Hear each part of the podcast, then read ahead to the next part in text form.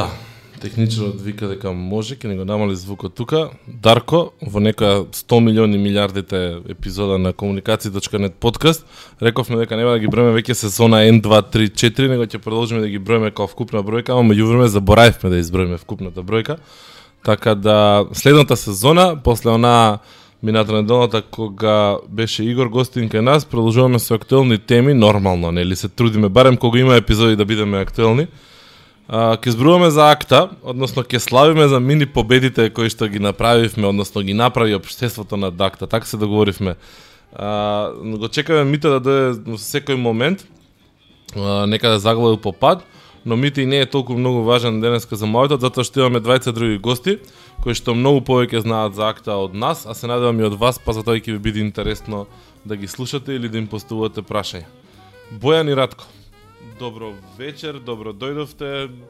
А, рековте дека не ви е ништо страшно и ново во радио. Ова ни е полусимулација на радио, одиме само на интернет. А, фала на нели присуството тука. Фала на поканата.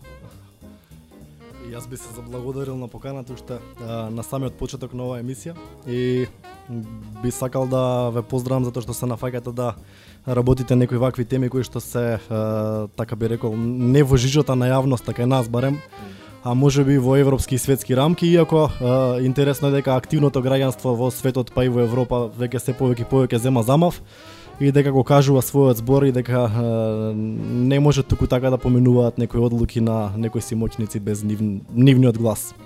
Момци, јас ве најдов вас на Балканската антиакта група, или Балканска така антиакта група, убаво си прочитав, на Facebook, каде од неодамна а, еден пријател мене ме повика да бидам член и на вистина можам, можам да кажам еве веќе 1113 членови внатре, интересни дискусии, плодна работа да кажам на атмосфера во која што човек да му е мерак нели да, да биде дел да следи и да придонесе со она колку што може. А, ве кажав дека планираме да зборуваме на темата и дека би сакале некој што е малце поупатен, не малце, се надевам многу повеќе поупатен од нас, а, да дојде да зборува и еве ве вас тука. А, темава е актуелна, знаеме дека и по медиуми традиционални се разговара. Колку често ве повикуваат или а, бараат новинарите некакви стручни или а, лица кои што многу малце повеќе ја познаваат оваа приказка. Имате увид, следите нешто во држава вака нас како оди таа тема? Сега за сега немаше никој барање за изјави, затоа што и не излегуваме толку како немаме одредено кој е лидер, кој не е лидер, немаме сепак сме група на загрижени граѓани. Не сме Не, Да. не сме нека организација. Не сме организирана некоја синевладина, иерархија. да. Да, да. апсолутно. Сега од скоро се поделивме во тимови кои што ќе работат на одредени делови. Едниот тим ќе работи на за инф, на информирање на јавноста, другиот тим ќе работи на анализа на самиот договор. Мгм, мгм. И така што до сега не сме имале кузне колку Да. барања за изјави. Не е, ни- не е ни тоа толку многу важно. Важно е а, да видиме што е тоа што ние не сакаме да ни се случи, а, што е тоа што некаков естаблишмент веќе постоечки а, на светско ниво се обидува да го наметне а, и како да може би се подготвиме за она што допрва доаѓа. Зборуваме за акта, пипа, сопа, како сакате наречете. Кои се разликите? Прво, ние имаме многу кратенки, многу провокативни кратенки. А, ајде може малку да да ни помогнете да ги разбереме, да ги разјасниме, разделиме. Само да кажам дека влего во програма. Браво. во студио од нас. Да. А, па мислам дека најбитната разлика измеѓу сопа, пипа и акта е во тоа што сопа и пипа се но, се наоѓа негде дека во рамките на а, правото на сад, додека а, акта е нешто многу повеќе. Односно акта е меѓународен договор кој што се бави со оваа иста проблематика или сродна проблематика со која што се баве и предходните две понуди да ги наречам пипа и сопа. А, зошто би ги нарекол понуди поради тоа што изгледа дека а, по секоја цена таа индустрија која што се бори против пиратите, така да ги наречам, пробува да протурка некои своји решенија, најпрви нормално на американското тло како веројатно најмоќната економија, а потоа и на светско ниво откако можеби не им успеа нели на американското тло. Верувам дека се слушателиве информирани како не им успеа М. да го протуркаат тоа на на Ова да. значи дека ова значи дека А, а акта е како чекор 3 од кога Пипа и Сопа видове дека не успеваат, па ова е се ајде уште еднаш да пробаме или не? Не, акта се подготвува уште од Да. поодамна, уште пред Сопа и Пипа. И Сопа и Пипа се само обид за во Америка тоа да се реши многу побрзо и многу полесно. Заради тоа што американците се знаат дека кај нив како функционира тоа, нели? Плати, плати па клати е. Так. А, и сега кој војува овде? Мислам, плати па клати. Знаеме дека големава индустрија што произведува содржина по заштитена со авторски права, музика, филмови и слично е од едната страна, а од другата страна кој? Јас не дам начитав Значи, текст на морам да морам да те прекинам тука, значи не се работи само за авторски права, Добро? се работи општо за права на интелектуална собственост. Како правник Окей. морам да да дистанцирам едната од другата работа То. од причина што од причина што авторските права се само дел од правата на интелектуална собственост. Значи не се работи само за права кои што се дел од оваа, не знам, музичка индустрија или филмска индустрија, него правата на интелектуална собственост е нешто многу пошироко. Тука имате индустријски права, кај што припагаат и оние патентни права, имате права на одредени пронајдоци и се останато. Проблемот кој е? Јас и на тој проблем сакам малку повеќе да се насочиме. Значи не да се насочиме на проблемот на тоа дека ние не знам, нема да може да симнуваме музика или не знам што како не некои си а, не знам пиратски канали, него проблемот е многу поголем заради тоа што имате а, еве индустрија за лекови на пример каде што имаме драстични примери каде што лекови кои што треба да спасуваат животи не смеат да се нели продуцираат иако нели нормално тој другиот има технологија да ја репродуцира. А, само заради тоа што некој таму ете има некој си а, права на интелектуална собственост врз нив. Што тоа значи? Имаме веќе и такви случаи. Имаме лекови за а, одредени болести, како не знам, мислам дека беше за сида или за некои од тие а, по, потешки, стварно животно загрозувачки болести кои што а, американската фармацевска индустрија а, ги има нормално патентирано, меѓутоа поради тие патенти кои што нели се ценат на пазарни услови некои си кои што тие ги поставуваат и многу високи пари се потребни нели суми на пари за да се за да се уплати тоа. Uh, не може никој друг да го произведува тој лек, иако веќе ги има и технолошките способности, дури може би и самиот дошол до научните сознанија за да дојде да ги произведе. Значи, само човек кој што многу длабоко е влезен во правата на интелектуална собственост може да зна, да знае и реално да свати што всушност е, носи ова како тежина. Зошто го кажувам тоа? Затоа што не се само правата на интелектуална собственост нешто толку едноставно како што ние го гледаме сега, не знам, имаме Кока-кола символ и сега некој го ископирал Кока-кола символот, направил, не знам, сок и он ќе го продава. Не е толку едноставна работата. Работата е многу подлабока и многу пошироко тоа. Имаме примери на борба во моментов измеѓу Apple и Google, значи тотално нешто што сакам да го разликувам, каде што Apple се брани со ставот дека не Google, тоест еден од производителите на Android телефони, го повредил неговото право на интелектуална собственост со тоа што направил телефон кој што има look and feel Да. со iPhone-от. Значи look and feel не е нешто што го регистрирате, туку тоа е некоја си таква карактеристика на уредите да ги наречам кој што стварно треба некој индивидуално да ги процени, тоа е стварна субјективна проценка. Е па сега замислете што би се случило доколку тој look and feel или тоа тој начин на размислување го префрлите на нешто многу пошироко. Како што се лекови, како што е храна, знаеме дека веќе и храната, односно одредени растенија, компании како Монсанто веќе ДН, ДНА, а, ДНА-та на тие растенија почнуваат да ги регистрираат како собствени патенти и не знам дога ќе стигне работа.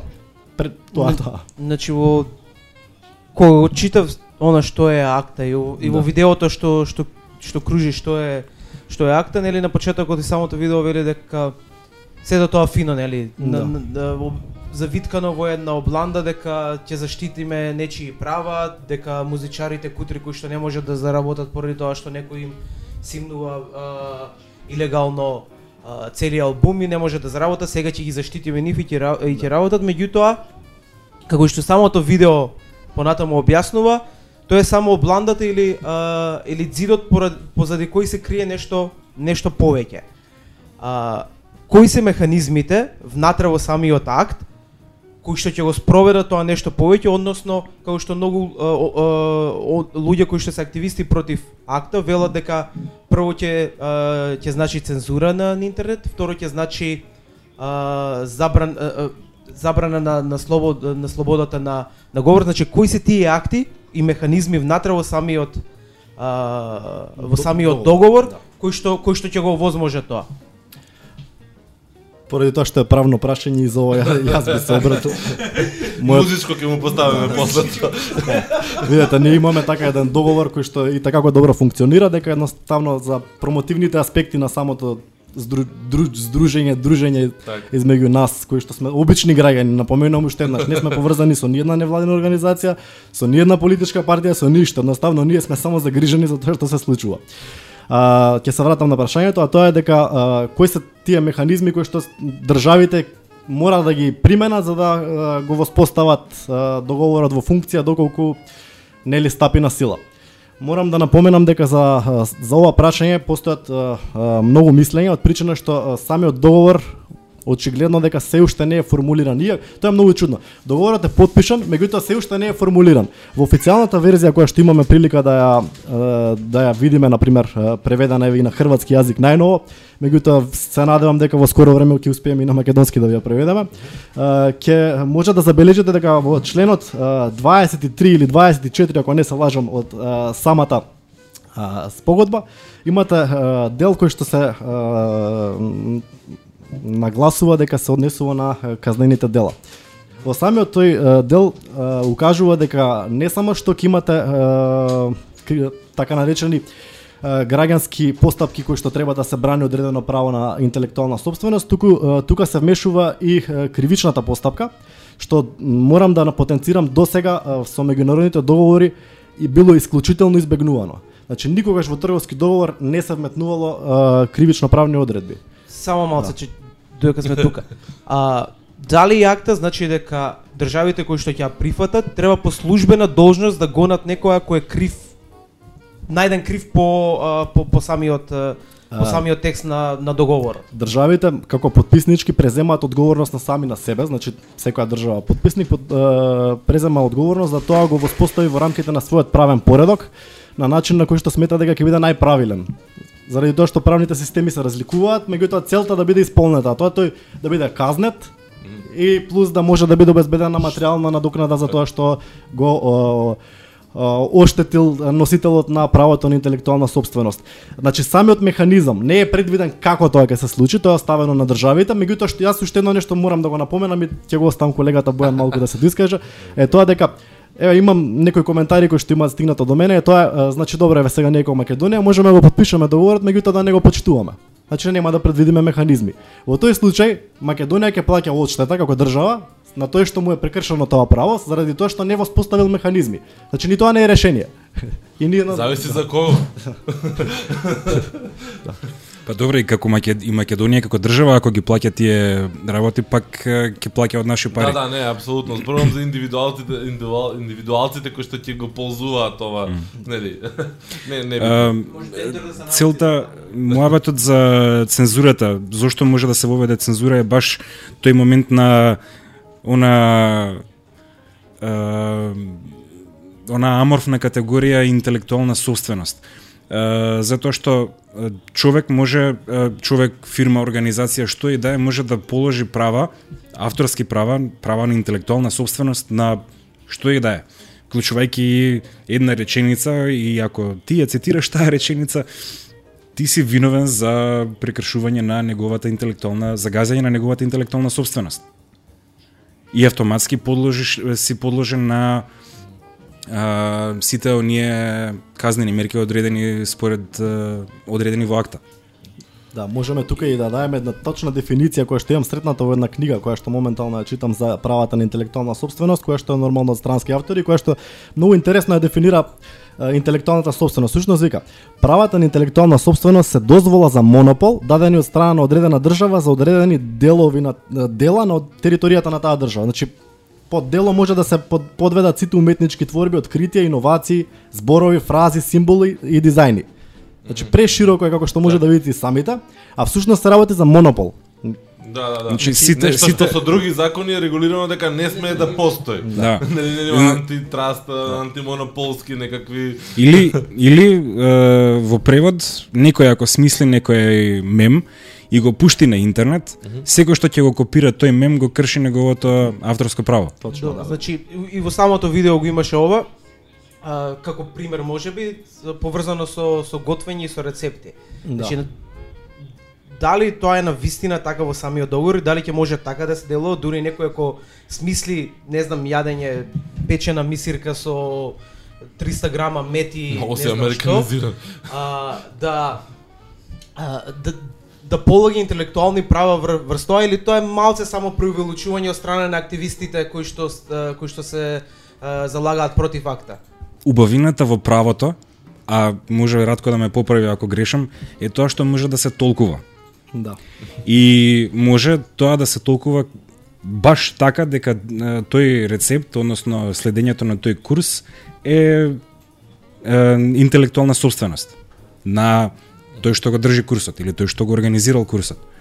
И ти ако го пренесеш знаењето што си го научил таму на некој друг, автоматски го ја кршиш неговата интелектуална собственост. И ако некој сака тебе да те казни заради тоа, може да те казни без никаков проблем. Да, тоа е, морам да напоменам дека и во овој момент, значи правните норми кои што важат, исто така се случува. Значи и ден денеска тоа да го направите, ќе бидете така, казнати доколку некој собере докази за тоа. Меѓутоа за некој да собере докази до сега бил премногу компликувано е да некој ви влезе во вашиот дом да ви стави камера или не знам како да ве прислушкува дека вие тоа го правите. Значи теоретски и сега би биле казнети. Проблемот со овој договор е заради тоа што воведува механизми со кои што вашата приватност е е доведена на најниско ниво само за да некој да може да остварува профити на тоа. Тоа е пострашната страна од целиот проблем. Значи, вашата приватност апсолутно веќе нема да биде почитувана. Вие од, од, моментот на подпишување на акта, кога нашата држава, да речеме, би влегла во тој договор, вие апсолутно немате никакво право на приватност, се додека се наоѓате Ова звучи манце ко 1048 или ко Северна Кореја, секој има дома камери и го го следат. Да, како 84-та, да. 84-та. Да, 84-та, Одорна. да. Да. Обратно, да, обратно веќе. Добро, да. а, а Ајде. Да, значи сакаш да ми кажеш дека во самиот акт а, или договор, Да. меѓународен договор, Предлог. а, предлог за, за, за договор, а, дека ќе им овозможи да стават камера во твојата куќа и да, те, да, да го следат вашиот муабе што ќе го правите дома, тоа е малце Не, не, невозможно. нема да ви постават камера, меѓутоа ќе следат целокупната комуникација која што имате преку интернет. Сега гледаш, карикирам, значи што би можело да се случи. Ти на Facebook ќе се пофалиш дека си направил рецепт кој што ти го кажала жена ти, а жена ти била корисник на курсот. Со тоа всушност признаваш дека си направил дело кое што не си смел да го направиш. А, баш тука се надоврзувам нешто сакам да го спомнам, значи спомнавме разноразни индустрии, не знам, а, а, фармацевска, други други работи што спомнавме, меѓутоа некако дали мене така ми се чини или не, ајде помогнете ми да го расчистам ова. Најзагрижени се интернет корисниците, што се најголем дел од луѓето, сам сите нели, малтане во особено во западните развиени светови се горе долу интернет корисници, меѓутоа најзагрижени се компаниите кои што живеат на интернет, кои што зависат од интернет и да кажам оние а, ајде сега не можам вак глупа дефиниција, тешки корисници на интернет, сам зависници од интернет, а, или а, под закрилата на овие граѓански акти, активности низ светот да се појавуваат и разноразни други сектори, од во смисол фармацевти, не знам што и да е друго. Значи, дали тие реагираат или реагира се реагира само низ призмата на интернет корисници и загрижен интернет корисници. Не знам, до сега не сум сретнал фармацевти да да реагираат на темава.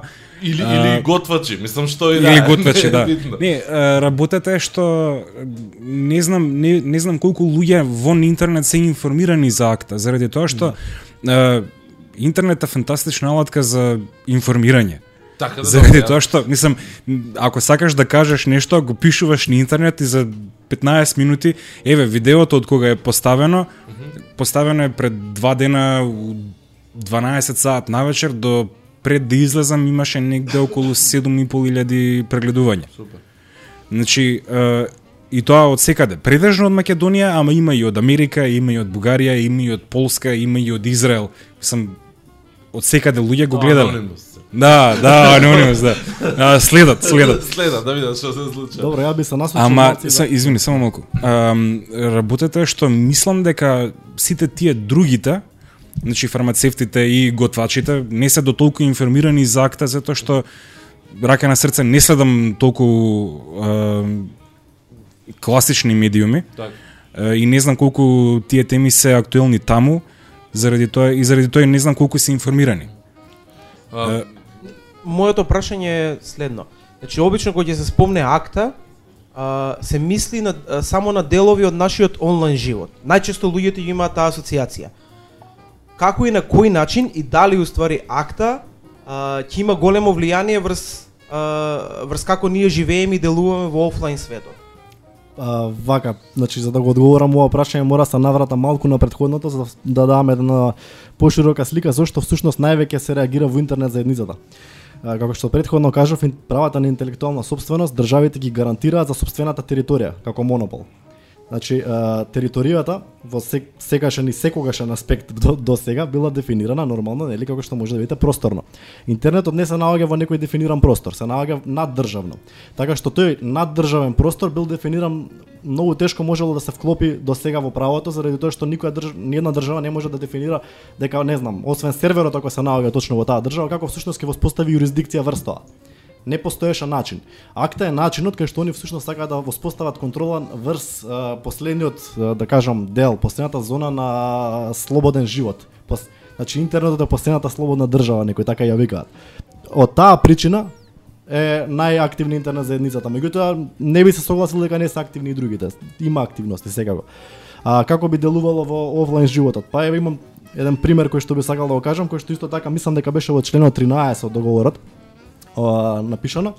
А тоа е дека а, всушност а, државите се обврзуваат дека ќе ви ги претресуваат вашите лични ствари при патување низ границите нормално овона доколку а, најдат некои предмети кои што а, нели прекршуваат нечие право на интелектуална собственост, тоаш вие може да ги сносите последиците по однос на тој договор. Значи нормално и вашето право, на таа Најдат држава. копирано CD од некоја музика. Копирано CD, меѓутоа може има да речеме ќе ги загрижам повеќе еве наши луѓе кои што сакаат да бидат модерни во облекувањето, дека на пример еве да го купат фармерки во Шутка и поминат граница со дизел фармерка од купено од Шутка негде дека не знам во западните држави или било каде и доколку им биде видена во не знам стварите меѓу другото тие реално може да одговараат за тоа.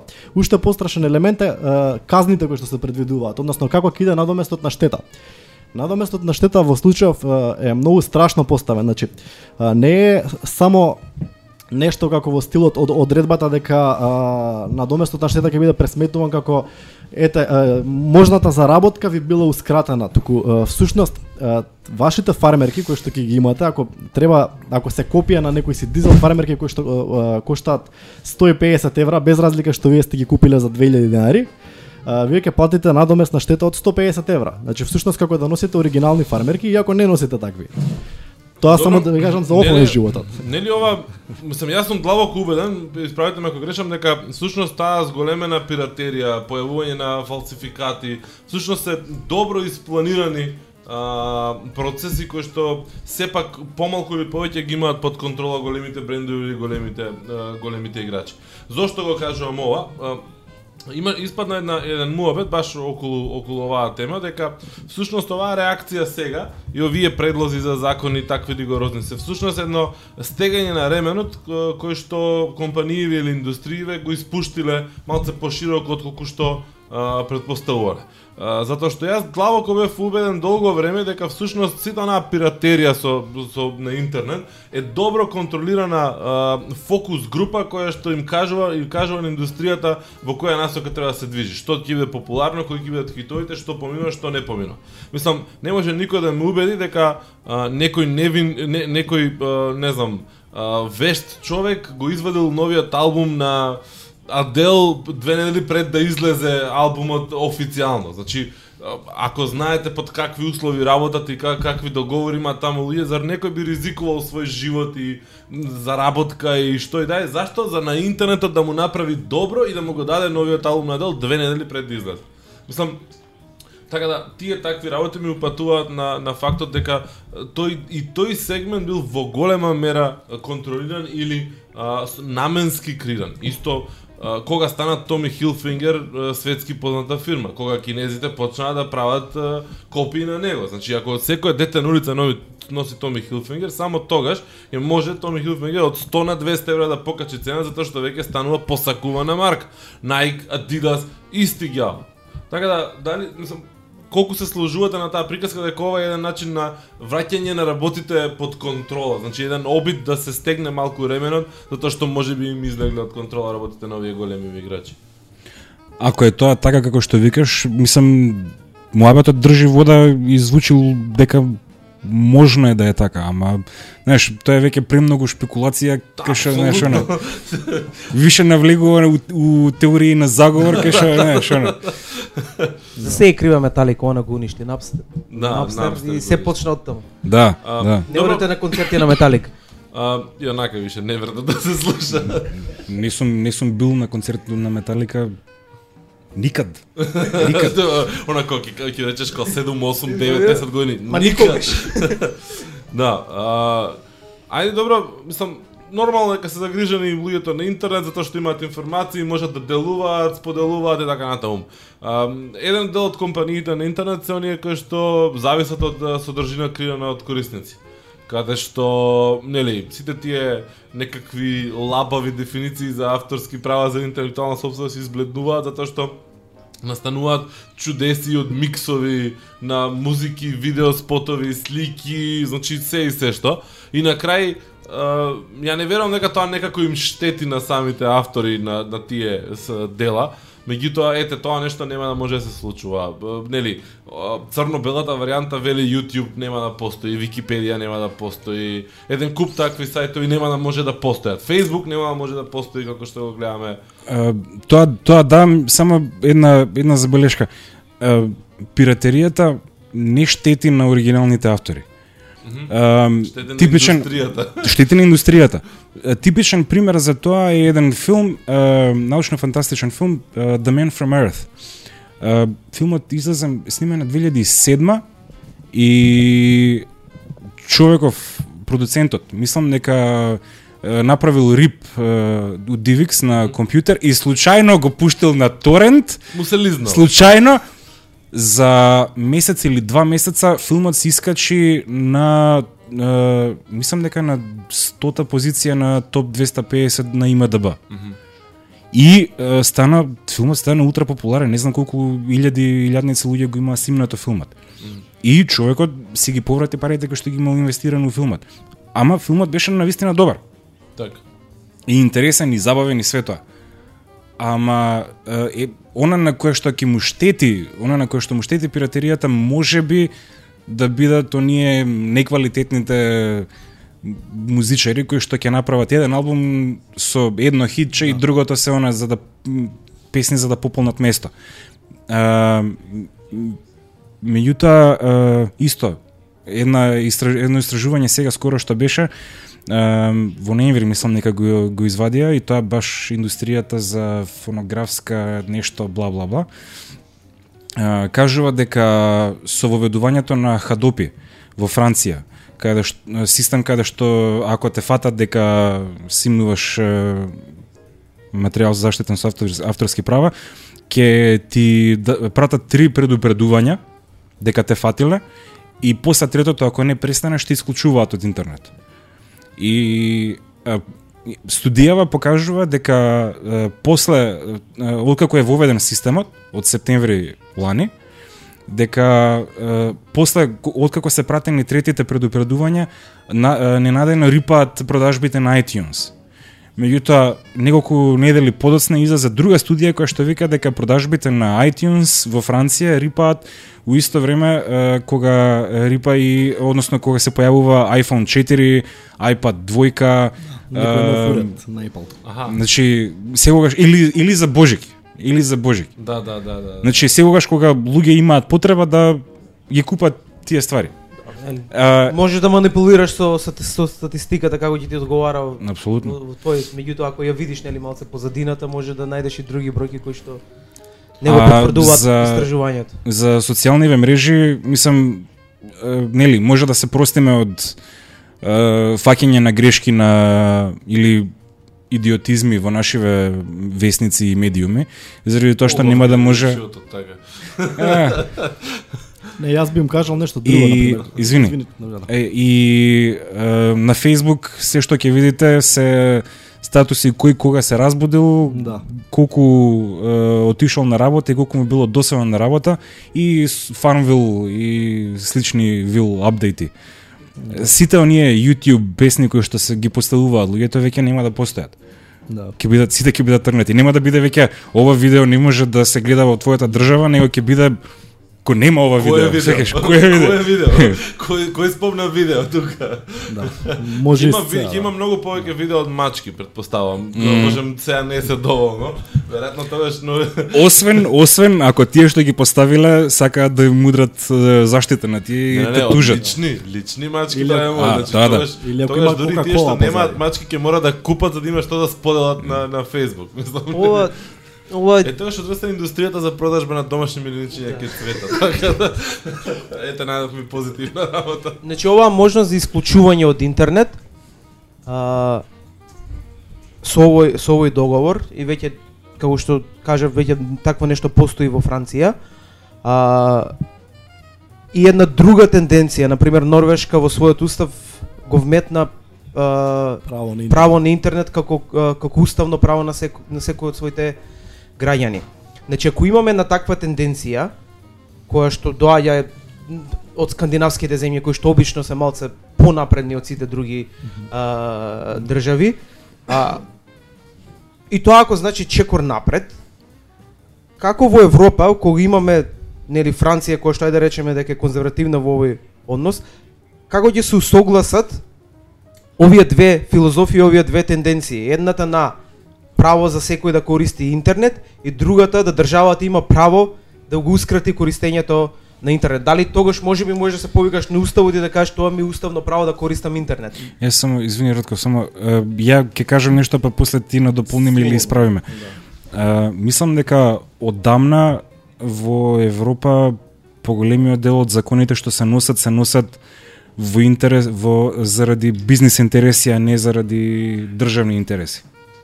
Тоа беше случајот со Хадопи, тоа е случајот со Акта. Така што ако ако грешам, Радко може слободно да ме да ме исправи. А, јас а, би напоменал нешто друго. Значи имаше првични индиции дека а, правилото на три исклучувања ќе биде вметнато во акта, меѓутоа веројатно поради притисок на јавноста и и други притисоци веројатно за тоа што не се покажало како целисходно во дадената ситуација, тоа правило не беше воведено. Така што самиот проблем околу тоа како би се складиле е, кривичните законодавства од земја до земја нема потреба ни воопшто бе дискутирано затоа што тие ни ден денеска не се не се хармонизирани едно со други. Во рамките на Европската унија има а, различни политики во поглед на кривичната сфера. Едино нешто што се они согласни е тоа дека нема смртна казна измеѓу нив. Значи само само тоа е согласноста. Момци, каде е Македонија во приказка? Значи, да, има загрижени граѓани, реагираат, преведуваат видеа кои што треба да ги едуцираат, да едуцираат широката јавност. Еве, дискутираме, не сакаме да не се случи ова.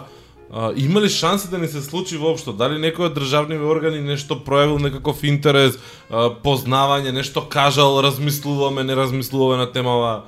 Мислам, до, ние се плашиме од непознат противник, се бориме против нешто што никој не ни намерава да ни го донесе или што? Ние се бориме за секој случај. Да.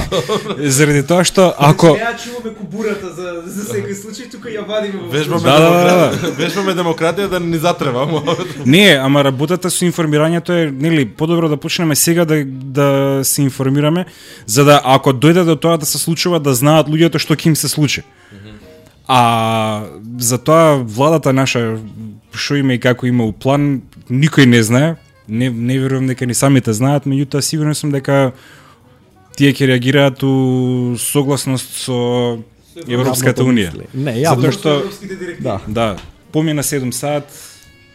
Јас ја нешто друго би дополнил тука во даденава ситуација, значи ние немаме мислење од ниеден политички чинител да го наречам. Значи не ни треба само мислење од владата, нас Така, треба јасно, мислење од председателот, ни треба мислење од сите политички партии, барем парламентарни кои што ќе треба утре да го ратификуваат тоа. Да видиме едноставно. Може би пратениците за чудо еве у нашиот систем поединечни ставови би имале за прашањево. Што не ми се верува, да.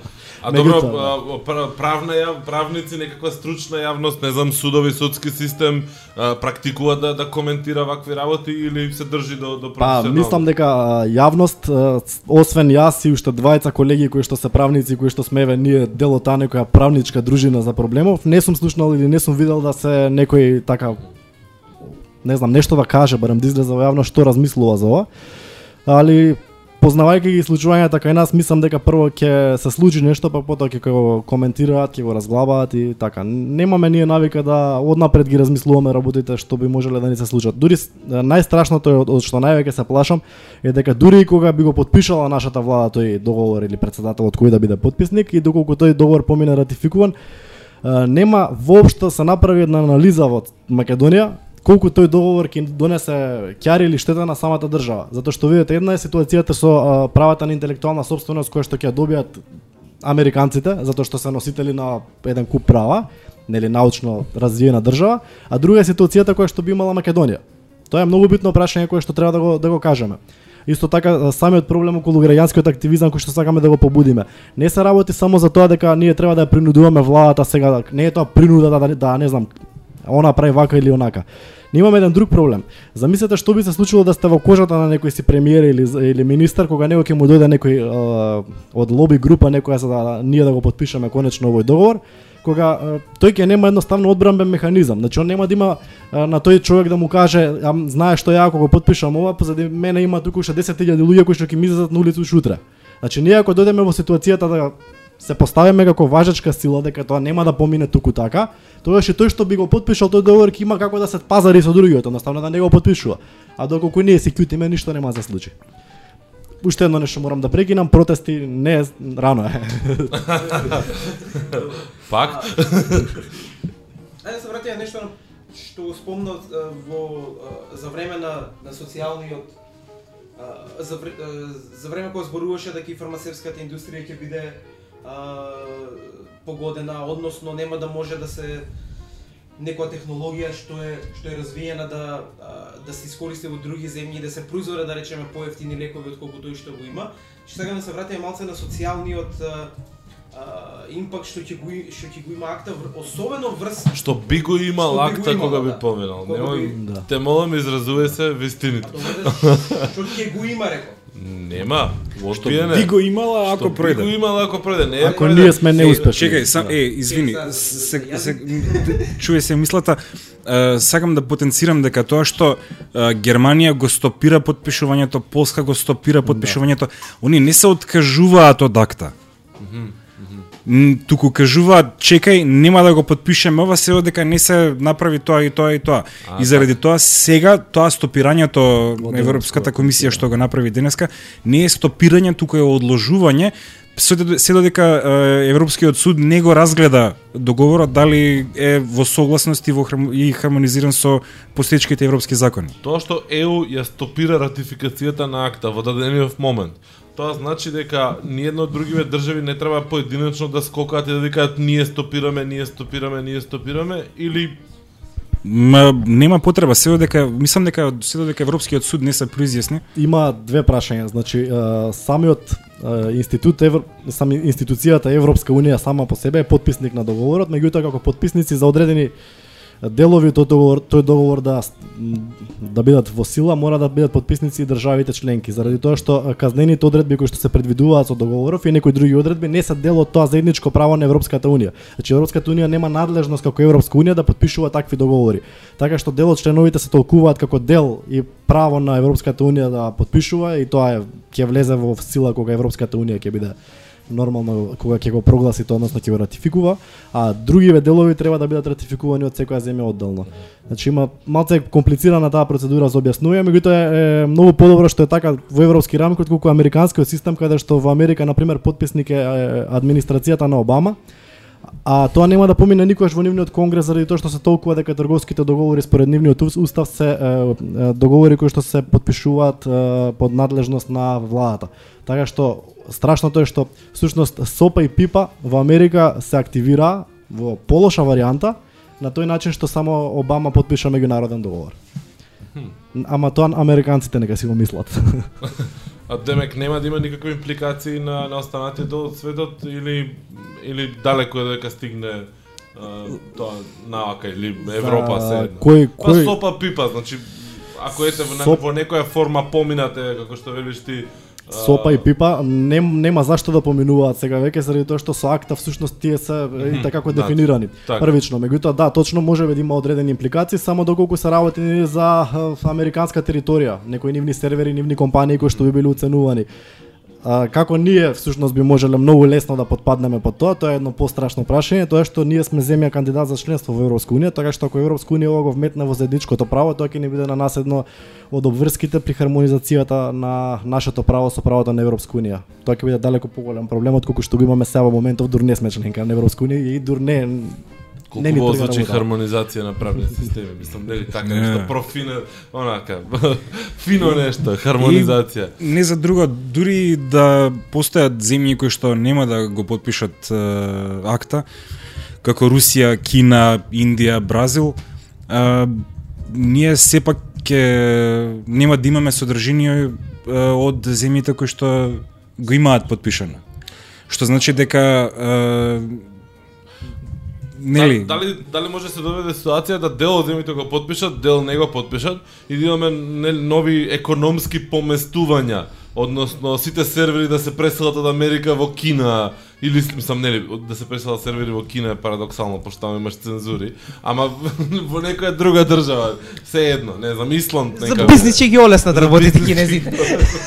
Тоа е Две-три фабрики ќе отворат за таа потреба. Не се работи само за тоа кај ќе бидат пренесени серверите, заради тоа што целта е всушност контрола на населението. Значи, доколку европјаните, американците и нормално тие што други ќе бидат подписници на овој договор, не можат да ја имаат слободата и да ја уживаат Аха, слободата што така. ја уживаат денеска, тоа све едно е дали всушност тој што и онака не би им дал пари на нив од Кина. Да, да, спомна дека се надминува Да. територијално до тоа, јас повторно. А, едно- затоа што извини, затоа што пази, ти ако во твојата ако твојата држава има забрана за нели е, го има и го, го има подпишано акта и ги има воведено сите тие закони и казни, ти да сурфаш на сервери у Кина кои што имаат се што сакаш, Да, да. Не, јасно, Сегаш. јасно, мислам сватив дека го по- постави погрешното прашање. А, значи моето прашање малце две пр, две права уствари гледам дека се во во конфликт тука. Колизија. Правнички термин колизија или Колизија, добро. А, едното е правото на приватност, Да. со кое што велиш ти дека ќе биде многу нарушено доколку а Па не само јас, тоа го кажуваат и Јас- други Да, Да, да, добро, ти си ми соговорник се, е Да. добро. Ти си представник на правната На, мисла. на правната мисла. Добро. И второто право е правото на интелектуална собственост. Да. Правнички гледано, кој од овие права е на повисоко ниво? Дали по- дали може така да Па видете се, тоа е релативно прашање затоа што правнички гледано не можете да, да поставите едно право врз другото. Всушност сите права треба да бидат во внатрешна хармонија. Кога имате кога едно право го дерогира другото право, Правото на живот сигурно е поважно од колку правото на Меѓутоа, секс. еве сега ќе ќе ви кажам и пример каде што правото на живот всушност е помало право од правото на профит на една компанија. Примерот преска со фармацевската индустрија што ја го кажав, каде што лековите кои што се произведувани во Америка и кои што се за лечење на некои стварно смртоносни болести, се продавани по повисока цена од лековите истите такви лекови во Бразил. Тоа е вистински спор, значи овој спор што го кажувам постои ден денес. Бразилските лекови се забрануваат со дипломатски напори и негдека и со тужби и се понатаму да се продаваат во држави буквално заради тоа што го повредуваат правото на интелектуална собственост на американска компанија. А се посочува во дадениот случај значи дека постои колизија измеѓу правото на живот на тие што ќе го земат лекот и правото на профит на таа компанија. Значи, не можам да кажам дека некое право преовладува во ситуацијата. Јас би сакал да сите бидат така морални и да правото на живот е првенствено, па потоа имате, не знам, право на собственост некаква си, па нели предходно имате право на приватност кој што произлегува од тоа право на живот и така натаму. Меѓутоа, тоа не е така, за жал. што ќе каже правото на профит испаѓа дека е поважно право од сите Да. тие други. Многу пати се покажува дека е така. Ме, ме баш ми остана свеж, беше се готови сега пред мене текстот на на Джими Вейлс, uh, We are the media and so are you. Каде што баш покренува едно прашање кај што вели за нив а, има а, профитни интереси, има големи компании, имаат воспоставени мрежи на лобирање а, и лобисти веќе внатре и е условно речено нешто што го прават со години наназад за да функционираат и е нормална работа. За другава страна, значи за страната на оваа што сега се наоѓа повредена, која што во најмала рака е општата популација, нема кој да застане. Значи, А, не, ја не можам да се будам за мојот профит, зашто мојот профит не е мојата приватност директно врзана. А, и ако се собереме 100 милиони, а, како ќе докажеме, нели, немаме ние профит интерес, па да бидеме исто мотивирани како нив. Е сега прашањето ми е, а, дали може би а, во оваква ситуација треба да очекуваме нашите don't be evil херои да застанат пред нас и да речат не дозволуваме зборувам за, не знам, Google, Facebook, Twitter, Microsoft, крстате ги како сагате, значи зборувам за новиве Силиконска долина компании кои што се финансиски многу моќни и кои што зависат од нас и од нашето приватност, нашата приватност или неприватност во рамки на нивните а, сервери, а, дали треба да очекуваме ти да застанат и да и да лобираат во име на во име на интернет заедницата? Значи, Нели се заканија дека ќе исклучат сајтови, ставиат црни Нема да превези и такви работи. Знаеш, Како знаеш еден- како? Um, тоа го кажав кога пропадна СОПа. Um, единствено нешто, uh, сите знаеме дека политичарите се купени. Така? Единствено нешто што му е поважно uh, на политичар од тоа да биде купен, е да биде на позиција да биде купен.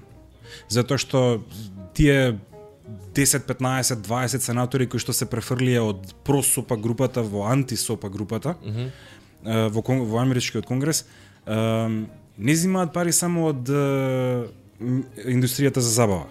Зимаат пари и од нафтна, нафтена индустрија, зимаат пари и од Многу различни лобирања. војн, и војно-индустријскиот комплекс и се. Сакам да станам конгрес. Значи, а, оние оние кои што треба да се борат за нас се а, Сме ние народните самите. народните народните пратеници, оние кои што ние ги имаме избрано да. или ги не имаме избрано за а, да не представуваат нас.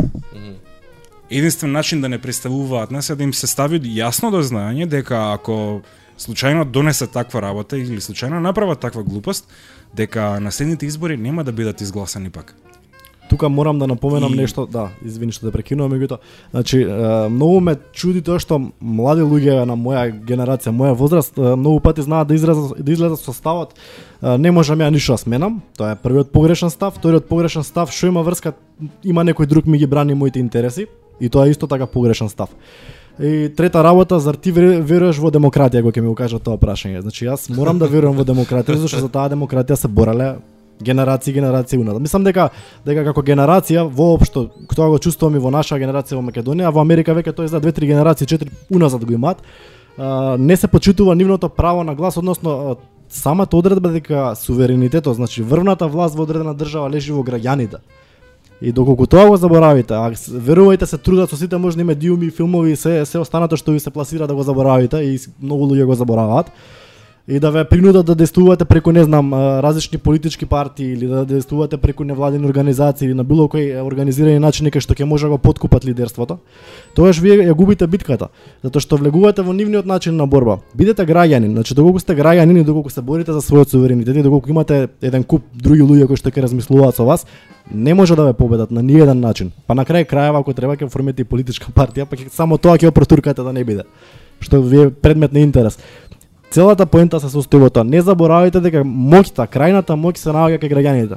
Ништо повеќе и ништо помалку од тоа. Се додека се борите, ќе ве има. Додека не се борите како што во Америка се случува, тоа што нема да ги има. Во Америка имате конгресмени кои што ги бираат 30-40% су, су излезност на гласачите, а веднаш само што ќе влезат во конгресот со било кои идеи да влегле во конгресот, лоби групи им пристапуваат на нив ако не и предходно во рамките на изборните кампањи кои што всушност само директни пари вложуваат во во нив за да они застапуваат одредени нивни ставови. И тоа е најлегално во Америка. И веќе и кај нас имате таква таква ситуација. И кај нас веќе лобирањето стана правна категорија која што е најнормално. Така што доколку му закон, доколку му дозволите на некој да да со своите пари вреди повеќе од тоа што вие вредите со вашите гласови, тоест не не не е дозволите, него да дозволиме.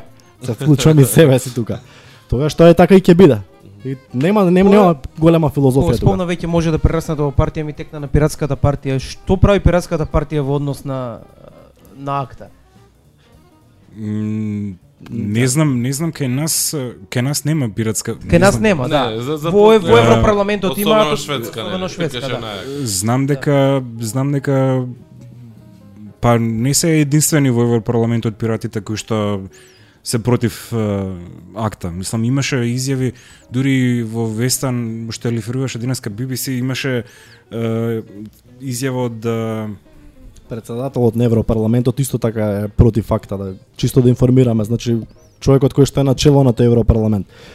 Значи не да. се не се само не се само пиративе, Да. тие кои што контаат колку нечини акта. Да, да. Очигледно не сме ни ние запознаени со пиратите, меѓутоа еве, да, точно пиратите се еден вид на веројатно крајна борба која што се случува во високо демократско општество каде што тие веројатно не успеа да се изборат на други начини со власта и со сите тие лоби групи, па на крај дојдоа до фазата кај што едноставно ќе формираат а, политичка партија. И тие партии на зелените што ги имаме, и ние као имаме некоја партија на зелените тука, и тие се формирани на истиот начин, знаете, она, не можете да из, да избуткате нешто преку сите можни други граѓански начини на активност, едноставно влегувате во политика зашто не бива на друг начин.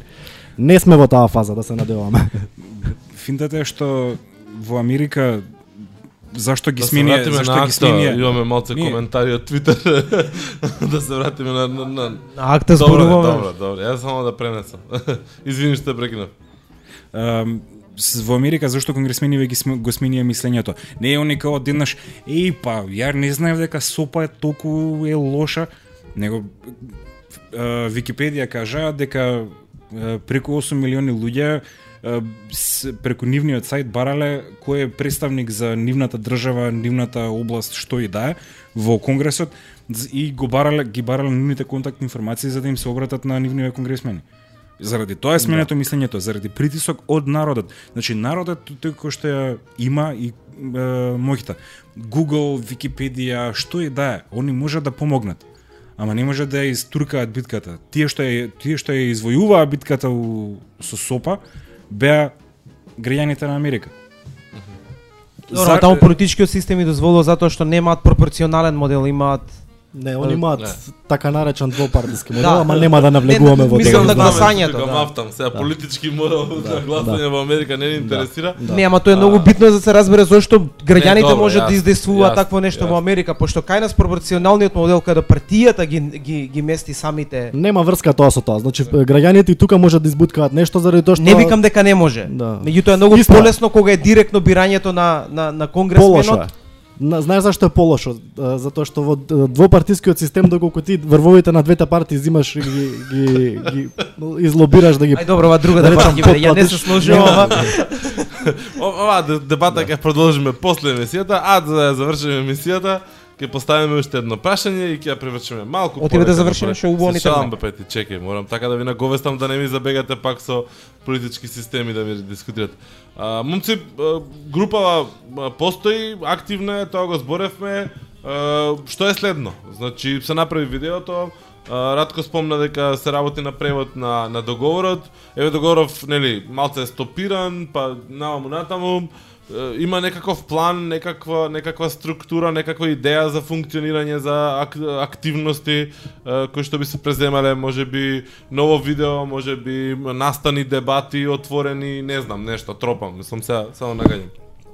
Сега за сега се уште сме сконцентрирани на информирање на јавноста затоа што тоа, знаеш, едно видео да, оке, до многу луѓе го изгледа, меѓутоа планираме да правиме уште повеќе е, работи, клипчиња, слики, мемиња, Мгм, мгм. за да е, веќе в- луѓево, знаеш, кои ќе се разбудат са бајле да кажат акта, знаеш, И да се напијат кафе, дека у нескафе.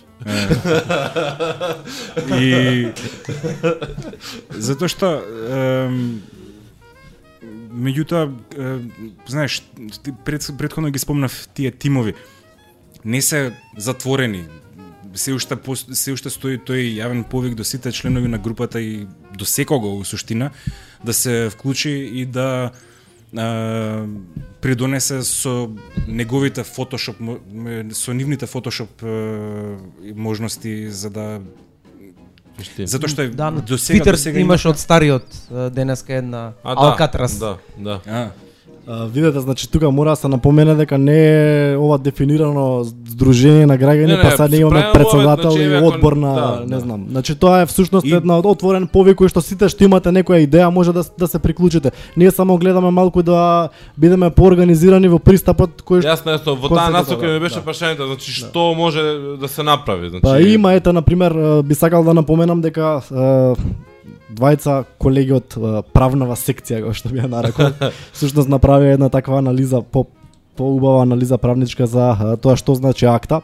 Мислам дека можеме да дополниме на тоа поле. Потоа јас би напоменал и тоа дека имаме е, други членови од групата исто така постира одредени текстови на порталите за тоа што е акта, за информација. Имаме некои од членовите кои што исто така пласираат текстови или интервјуа во рамки на некои печатени медиуми, мислам дека беше Нова Македонија.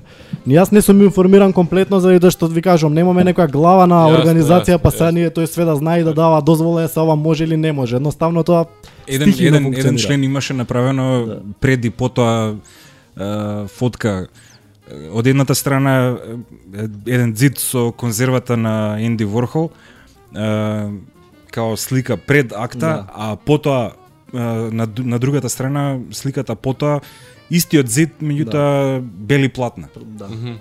Значи Заради има тоа има што да. нели Кембелс е заштитна заштитена трговска марка И, има и, креатив, нели. има креативци и сите креативци всушност се поканети за да учествуваат во ова на свој начин нормално. Значи, сакам да напоменам уште еднаш, ова ни е прилика да покажеме дека можеме да имаме граѓанско граѓанска активност, ама во правиот смисол на граѓанска активност. Значи не да чекаме некој да ни плати од негде дека за ние да се активираме во нешто, него едноставно седиш од дома и активирај се. Дури и тоа што го викаат, не знам, Facebook активизам дека бил штетен, ја не се согласам во дадена ситуација. Дури е, секое членство во оваа група е Балканска антиакта група на Facebook, јас го сметам за одредена активност. Зашто? Зашто едноставно представа бројка на луѓе кои што се веќе свесни дека нешто се случува и дека тоа нешто не е во ред, они се против тоа. И оваа прилика ќе искористам за една мала рекламно пропагандна порака, каде што ги кажам, дојдете на Твитер, луѓето се многу поактивни таму отколку на Facebook. не, се шалам. Не погоди двајца кои што немаме Twitter се. Не знам, ме прашав предходно за тоа и сега вака си го дочекав моментот. Шала на страна. Сакам да сакам да ги пофалам интернет заедниците во Македонија по било кој основа што се активираат изминативе неколку месеци, затоа што на вистина покажаа дека не се луѓе што сакаат само да седат пред компјутер и да и да пишуваат работи Точно, да. и слично, туку сакаат да направат некакви можеби некогаш многу мали, меѓутоа промени кои што кои што влеваат надеж дека граѓански активизам постои и може да постои. Во таа Извини, Дрко, само една напомена. Работата е што сите ние е, си имаме своји работи, своји животи Апсолутно. и се тоа. Значи, сето ова е на доброволна база. Е, така што, знаеш, она, Абе, ја на работа сум, немаме време, о, она е само изговор, знаеш. Да. Не, не, апсолутно, И уште мислам. нешто што исто така ми е интересно, имав е, прилика неколку пати во текот на функционирање на групава. Не сум еден од основачите на групата и тоа да биде напоменато, едноставно видов групата, видов дека има некој што се активира и се приклучив. Тоа им го препорачувам и на сите. Мојот ми беше, ние одржавме еден иницијален состанок чисто да видиме кои сме фаците, онака што правиме, зашто правиме и како правиме да направиме едно Што онака. сумљиви фаци. Да, сумњиви фаци, баш така. И значи ние го направиме тој иницијален состанок, договараме некои активности кои што секој од нас сам би ги направил или соработка со уште некоја таа група, пошто ете, ние сме дошле, таму сме и тоа е тоа. И на не знам, Да, интересно е да. формирањето на да. тимовите беше само здружување Да. на повеќе мозоци Да. и сконцентрирање и фокусирање на И една работа. Се појавува после не знам неколку недела, две, три од тој состанок, не знам колку и да поминало, не е битно, може може и било брзо. И се појавуваат коментари устил што правите сега вие, зашто ве нема, што е се ова. Значи Мисля, состанчите пак, значи уште еден состанок и уште еден состанок, па презивиум, па Мислам, конзилиум, па... Да, не не не е некоја активност, тоа сакам да му напоменам на сите кај што треба Се- сега, не знам ние да не биде со станоците кој ние од Монти Пајмон. Не, Пајтон, треба да преземеме нешто. Да. Да, да, да, треба да преземеме нешто. Да. А добро, повеќето работи од тие што ги договоривме на состанокот се веќе во реализација или се реализирани, така што мислам дека беше успешен тој состанок и Значи, општа порака за сите што сакаат да направат нешто е, корисно на оваа тема е да ги информираат луѓето околу себе за акта и за тоа што носи е, еден ваков договор, една ваква наметната, да кажеме, рамка во која што ќе мора да делуваме сите и што е можно повеќе да се вклучат со своите креативни и други вештини за да може да помогнат во споделувањето на пораката до што е можно повеќе луѓе. Да, ја би напоменал да ако резерв- имаат ако имаат мама или тато или баба некој политичар, слободно нека го замараат едно 2-3 сата, онака онака ама постојано дремење онака тато слушај се ова акта вака вака вака вака вака вака се дури не му досади да рече добро керко или сине не правам више тоа и крај е така некако да биде Значи било кој иде од било каде политичар едноставно така мора да реагирате. Вие како млади, не, ја поише се обраќам на младата публика заради тоа што мислам дека младината кај нас барем е научена по да размислува граѓански отколку постарите. Постарите имаат мал можеби такав некој флегматизам. Ќе ги сменим. Па добро, ние ќе ќе бидеме стари ние нека. да. А, момци, згазивме 60 и некоја минута, значи саат и нешто. А, Мене ми отидоа прашањата за идеолошката борба со акта, ама тоа во друга емисија. Па добро, пази, значи последните информации велат дека ЕУ стопирала ратификација на акта, ПИПА и СОПА се одбиени, меѓутоа во сите оние подго... во сите оние а, информативни видеа, текстови и така натаму, сите оние кои што алармираа за опасност од овие работи, велеа, значи, ова е еден бран. А, ова не е прв пат и нема да биде последен пат. Туку надоаѓаат работите. Така да се што може да направиме е да се подготвуваме, да бидеме спремни кога ќе дојдат следен пат со следен удар да го одговориме. Како беше муабетот?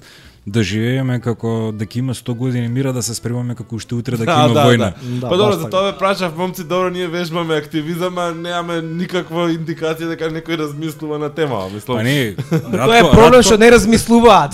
Радко, ќе- Радко го само спомна ќе го тоа. Радко го спомна тоа преска. У моментот ако случајно некој дојде и каже, слушај, абе ние ќе потпишуваме акта, ние ќе можеме да го плеснеме уфаци и да им кажеме чекај, чекај малце и ви- имаме ние тука стручна анализа која што е направена вака и онака и Така. што ќе значи се ова за Македонија и за македонскиот граѓанин.